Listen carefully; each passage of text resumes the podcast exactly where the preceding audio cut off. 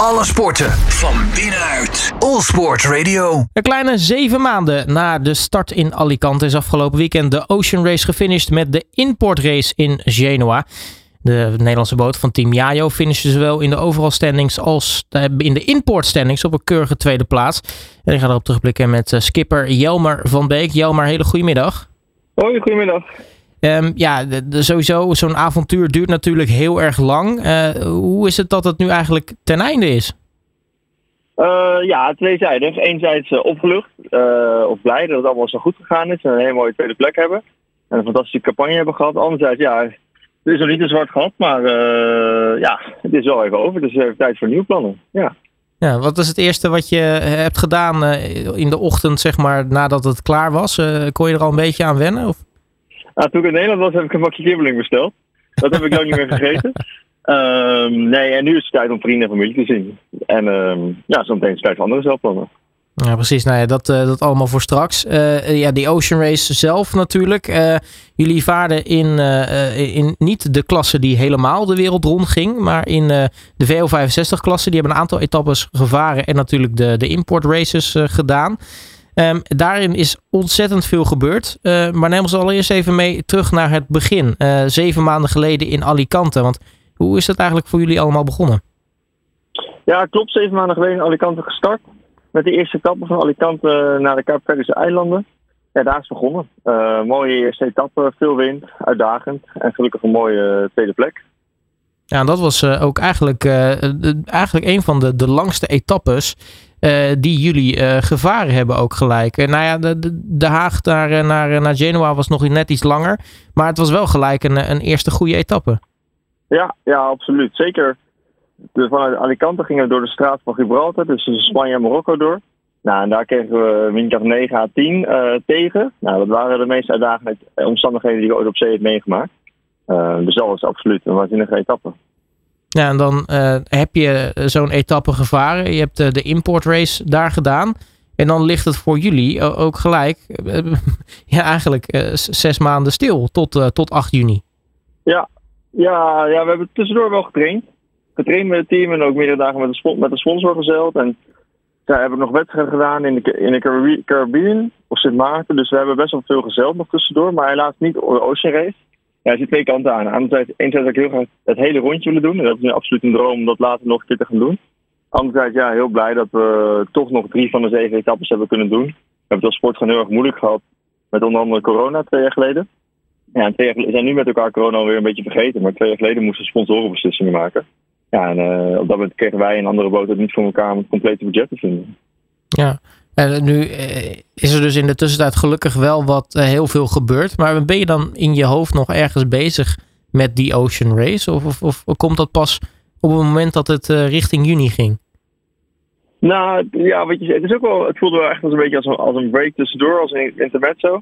Maar anderzijds, weet je, na een maandje ben je ook al heel snel weer met de Ocean Race bezig. Want het was ook aan mij om weer een goed team samen te stellen voor de laatste twee etappes. En daar zo gewoon zo goed mogelijk aan de start te verschijnen. Dus um, nee, je, bent, je blijft er altijd wel mee bezig. Ja, want je zegt al om een team samen te stellen.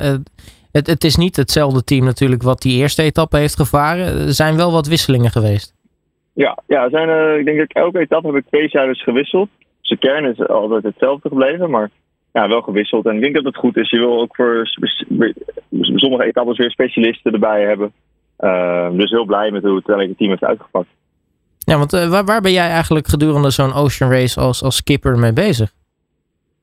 Nou, primair is het natuurlijk gewoon het zeilen van de boot. Zorgen dat de boot zo snel mogelijk zeilt met, met de negen andere bemanningsleden. Maar daaromheen is het natuurlijk ook een commerciële sportwedstrijd. Dus ook veel tijd besteed aan sponsoren, aan media. Uh, maar voor mij blijft het allerbelangrijkste gewoon te zorgen dat we een goed, uh, goed eindresultaat hebben. Dat is nog het grootste doel. Nou, ben je dan eigenlijk wel blij op het moment dat je die etappes uh, vaart en gewoon lekker van iedereen, iedereen op het vasteland even, even de verbinding kwijt bent en gewoon aan het varen bent? Ja, absoluut. Ja, kijk, weet je, je kijkt, naar aan om naar, je kijkt er wel naar aan om weer aan te komen op de kant. Maar je kijkt er ook wel naar uit om weer te vertrekken en weer lekker te gaan zeilen. Ja, absoluut. Hey, nu zijn de omstandigheden dit jaar, eigenlijk bij de etappes die jullie gevaren hebben, nooit eigenlijk echt makkelijk geweest, hè? Nee, maar ik denk dat dat ook een lol van de oceaan. Elke dag is anders, elke dag heeft nieuwe uitdagingen. Ehm, dus ik had het ook niet, ik had het ook niet verwacht. Ik had nooit verwacht dat het een makkelijke ocean race zou worden. Dat hebben we ook weer meegemaakt. meegemaakt. Het is een hele uitdagende etappe geweest. Soms heel veel wind, maar ook als hij heel weinig wind, een paar dagen met bijna geen wind. Ja, dat is ook heel uitdagend. Want dan moet je continu gefocust blijven en continu proberen om die kleine beetje snelheid in de boot te behouden. Dus uh, we zijn absoluut uitgedaagd door de oceaan. Ja, en hoe komt dat allemaal samen? Want het is natuurlijk, uh, nee, jij hebt de eindbeslissing uiteindelijk, maar je doet het natuurlijk met het team samen. Die moeten natuurlijk al die, die benodigde informatie aan jou geven, waardoor jij uiteindelijk de eindbeslissing kan maken. Ja, ja klopt. Ik maak uiteindelijk de eindbeslissing, maar in het proces zijn heel veel andere zeilers die, die zelf ook continu beslissingen nemen. En bij alle grote beslissingen, die maak ik samen met, met de navigator Max Dekkers. Maar andere kleine beslissingen, die gaan continu komen ook vaak vanuit het celteam. Die, die worden gewoon zelfstandig genomen. En soms, soms checken ze met mij. Maar ja, dit is, het is ouderwets als waar om te wachten tot de schipper de beslissing neemt. Ik denk heel veel beslissingen neemt het team zelf ook. En, uh, en ik kijk vaak mee en probeer te zorgen dat, dat ook elke zeiler de, mogelijkheid heeft om zo goed mogelijk te presteren. En als je negen of super presterende zeilers hebt, dan is het, het zijn van de schipper heel makkelijk. Nu hebben jullie, uh, als we het over die uitdagende omstandigheden uh, hebben, uh, veel meegemaakt. Wat was nou het meest uitdagende voor jou? Oeh, meerdere dingen, maar ik denk als ik eentje mag benoemen, is het toch wel de orka's die we zijn tegengekomen op de oceaan. Ja. De, dat is iets, ja, dus, dat is tegenwoordig is best wel een, contextgevende school van orka's, eigenlijk bij de, bij de kust van Spanje op de Atlantische Oceaan. Ja, en die zijn sinds drie jaar, daarvoor deze nooit maar sinds drie jaar onbekend dat ze elke dag tegen één à twee boten aanvaren. En dan vooral de roeren. En daar zijn ze heel erg gericht op om daar tegen aan te botsen. Uh, ja, en wij hebben het ook meegemaakt. Uh, dus op een gegeven moment zie je die orka's op je afkomen zwemmen. Ja, we wisten, we wilden liefst, liefst doorzeilen, maar eigenlijk was, zeilen op dat moment bijna onmogelijk. Omdat ze tegen het roer aan duwen en de boot alle kanten opgaat. Dus we hebben de zeilen laten zakken. Uh, en afgeremd en na een kwartier gingen de orka's gelukkig weer weg. Maar ja, dat was een moeilijk moment. Ook omdat we dat een tweede lagen. En heel snel gingen nummer, nummer drie en vier gingen, gingen er vandoor. Uh, en hadden ons in. Maar dat was wel iets, ja, je weet van tevoren dat het zou kunnen gebeuren. Maar als het dan ook daadwerkelijk gebeurt en je ziet die waanzinnige beest, dieren uh, naast je boot zwemmen. Ja, dat was wel een moment dat ik niet, niet snel zal vergeten. Ja, dat, dat is denk ik ook een van de meest bijzondere. Eh, tenminste, toen ik de, de koppen zag, had ik echt zoiets van. Ik moest hem even twee keer lezen. En ik van, wat gebeurt daar nou weer? Maar het, het, dat moet toch echt een heel bizar moment. Want wanneer zie je die orka's nou eigenlijk aankomen? En heb je zoiets van: oh, wacht even, dit, uh, dit gaat niet helemaal volgens plan? Ja, ongeveer een minuut van tevoren. We proberen het wel. De orka's worden best wel gevolgd door marine-instituten. Maar ja, uiteindelijk, ja, weet je, je weet het niet. Weet je, voor hetzelfde gaat ze lekker te slapen of te eten en komen ze niet naar je toe. Dus daar ze aankomen en gelijk iedereen aan dek. En zo goed mogelijk probeert daarmee om te gaan. En we hoopten nog dat ze even lang zouden komen en weer weggingen. Maar het was wel duidelijk dat, uh, dat, dat we niet zomaar weg zouden gaan. Nou, voelde je dat ook echt in die boot, die botsingen? Want ja, je zegt al, orka's zijn echt van gigantisch grote, zware, lompe beesten. Ja, ja, absoluut. absoluut. Je, je, op zo'n moment kan op een gegeven moment kan je het stuur niet meer vasthouden. Als dan helemaal tegen het roer aan, aan het duwen, dan, uh, dan draait het stuur zo snel rond, kan je het niet meer vasthouden. Dus heel blij. Weet je, er zijn ook gevallen van boten bekend die gezonken zijn of die een roer zijn verloren. Nou, dat wij ons roer gelukkig hebben behouden en dat de schade vooral optisch was.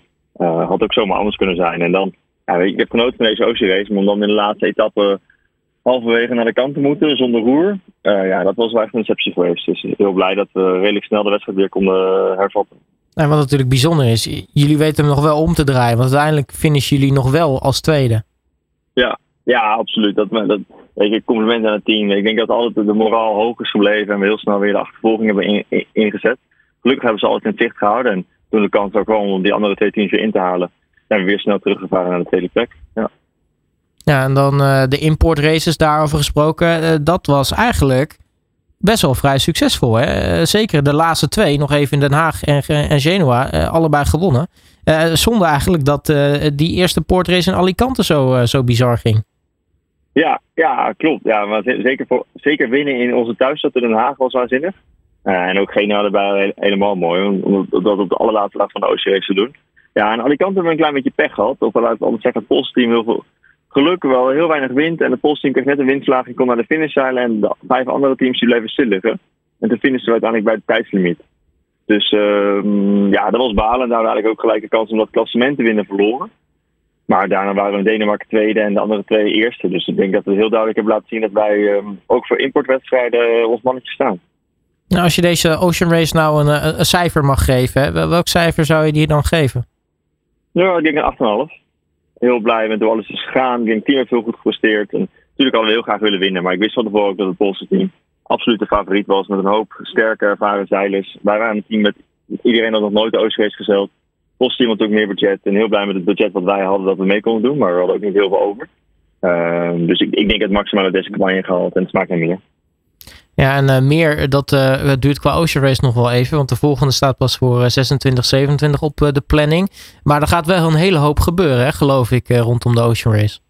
Ja, ja, absoluut. En ik zeg, de, de eerstvolgende keer rond de wereld is pas over vier jaar. Maar in 2025 willen ze wel een Europese editie behouden. Dus om vanuit, uh, vanuit Scandinavië naar Zuid-Europa. Nou, ik denk dat dat een hele mooie tussenwedstrijd kan zijn. Dus het doel, het doel is ook daar zeker op gericht om daaraan mee te doen. maar de OCS heeft een hoop plannen voor de komende tijd, absoluut. Ja, wat, wat, gaat, wat staat er gekomen op de planning? Nou, ze veranderen onder andere van boot, van boottype. Dus wij, dit was eigenlijk nog de laatste keer dat de Volvo 65 type, die uit 10 jaar heeft meegedaan, meedoet. Het wordt nu gaan zij op de IMOCA-boot. Dat is een meer Frans georiënteerde boot, waar er in Frankrijk heel erg veel van zijn. Uh, die deze race ook al heeft meegedaan. Um, dus dat is onder andere een van de veranderingen. En wat ik zeg, ze hebben die Europese race toegevoegd. Uh, dus dat is ook een, een, een, nieuwe, een nieuwe toevoeging. En nu zou jij als, als skipper natuurlijk nog wel je hoofd gaan breken richting, richting 26, 27 en natuurlijk ook die Europese race. Maar ik neem aan, nou ja, nu je dit een gedeelte van de Ocean Race hebt gevaren, je toch ook wel de hele Ocean Race zou willen gaan varen. Ja, absoluut. absoluut. En dan weet je, enerzijds heel blij met wat we allemaal hebben gedaan, maar anderzijds ja, om Kaap Hoorn heen een van de iconische plekken in de zeilsport. Weet je, er zijn minder mensen op Kaap Hoorn heen gezeild dan mensen de Mount Everest hebben beklommen. Dat is nog steeds een heel groot doel. Dus ik ben nog zeker niet klaar met de zeilsport. En ik hoop dat het bij de volgende Ocean Race lukt om de hele wereld rond te zeilen. Dat zou mooi zijn. En op, op kortere termijn, wat staat er voor jou eigenlijk op de planning, Jelmer? Nou, vanmiddag ga ik lekker windsurfen. Daar heb ik heel veel zin in, want dat heb ik een tijdje niet meer gedaan. maar zeiltechnisch uh, gesproken uh, ja, andere wedstrijden. Met andere boten. Ik ga nog uh, over een maand nog een wedstrijd met deze boot zijn in Engeland. De, de Fastnet Race, echt een, echt een klassieker in de zeilsport. En van het najaar weer andere wedstrijden. Maar ook eens tijd om even ietsje minder te zeilen. Afgelopen drie jaar echt dag in dag uit met deze boot bezig geweest. En de komende maand is ook tijd om, uh, ja, zoals ik zei, nu even lekker tien windsurfen, maar ook andere dingen te doen. maar ik ben nog niet klaar met de zeilsport. dus na die paar maanden is het absoluut tijd om weer vol gas verder te zeilen. Ja. Nou, ik zou zeggen, Jammer van Beek, uh, geniet ervan. Uh, even na zeven maanden vol gas Ocean Race perikelen.